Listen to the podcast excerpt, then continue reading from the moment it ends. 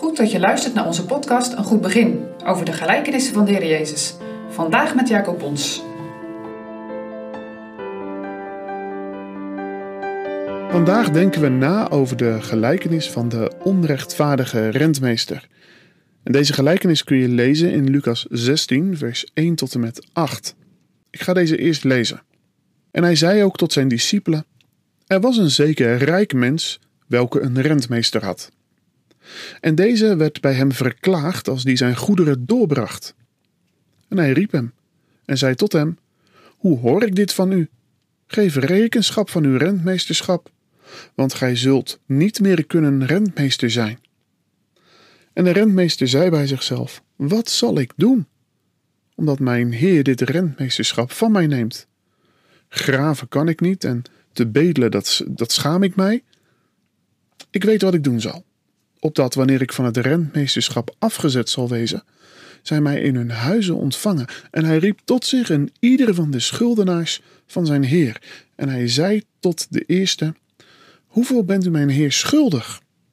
En hij zei: Honderd vaten olie. En hij zei tot hem: Neem uw handschrift en nederzittende schrijf haastiglijk vijftig. En daarna zei hij tot een andere: En u, hoeveel bent u schuldig? En hij zei: Honderd mudden tarwe. En hij zei tot hem: Neem uw handschrift en schrijf tachtig. En de Heer prees de onrechtvaardige rentmeester omdat hij voorzichtiglijk gedaan had. Want de kinderen van deze wereld zijn voorzichtiger dan de kinderen van het licht in hun geslacht. Tja, vandaag gaat het over de gelijkenis van de onrechtvaardige rentmeester. En ik moet zeggen dat ik het niet zo'n hele makkelijke gelijkenis vind. Het beeld wat Jezus schetst is denk ik wel duidelijk. Het gaat over een rentmeester. In het Grieks staat iets als beheerder over het huis. Er staat een woord waar ons woord econoom van afgeleid is. Het was iemand op wie de eigenaar kon bouwen, die hij helemaal kon vertrouwen. Alleen, deze rentmeester zorgde niet zo goed voor het bezit van zijn heer. En daarom wordt hij ter verantwoording geroepen. En hij voelt wel aan dat het er niet zo rooskleurig voor staat. Er wordt een ontslag aangekondigd. En nu staat zijn toekomst dus op het spel. Straks moet hij nog gaan bedelen. Nee, daar had hij niet zo heel erg veel zin in. En daarom wringt hij zich in allerlei bochten om zijn eigen hachie te redden. De rentmeester heeft een plan. Zeg, ben jij honderd vaten olie verschuldigd? Nou, ik scheld je de vijftig kwijt. En jij honderd zakken graan? Nou, je hoeft er nog maar tachtig terug te geven.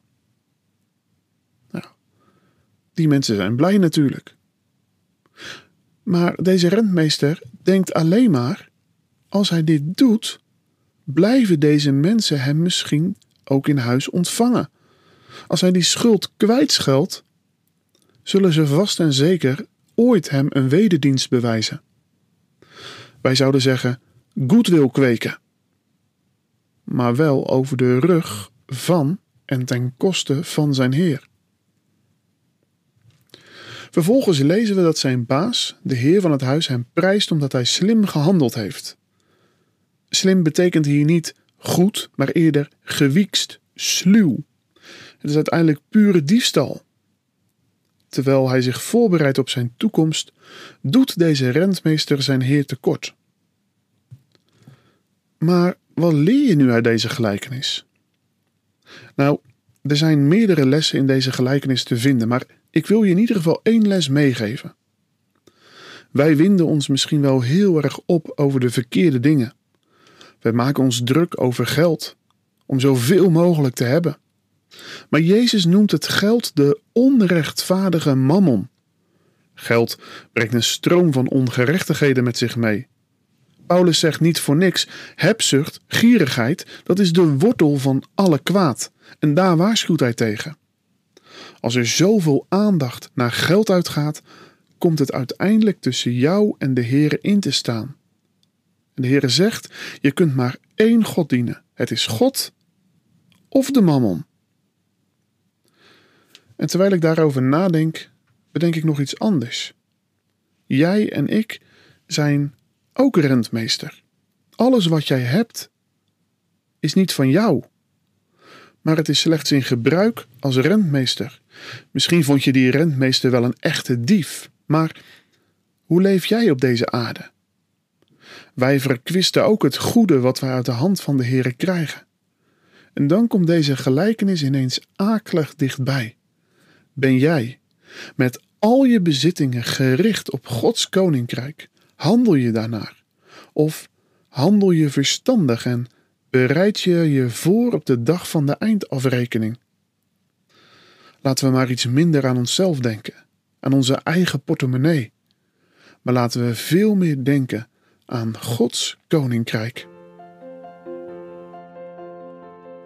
Toen wij een paar jaar geleden een aantal onkerkelijke meenamen naar de kerk, keken ze hun ogen uit in en rond de kerk. Grote, dure auto's, prachtige gebouwen, chique kleren. Is dat het beeld wat wij uitstralen? Hoe wij met ons geld omgaan? Dat is een prachtig lied. Niets is hier blijvend. Alles, hoe schoon ook, zal eenmaal vergaan. Maar wat gedaan werd uit liefde tot Jezus, dat houdt zijn waarde en zal blijven bestaan.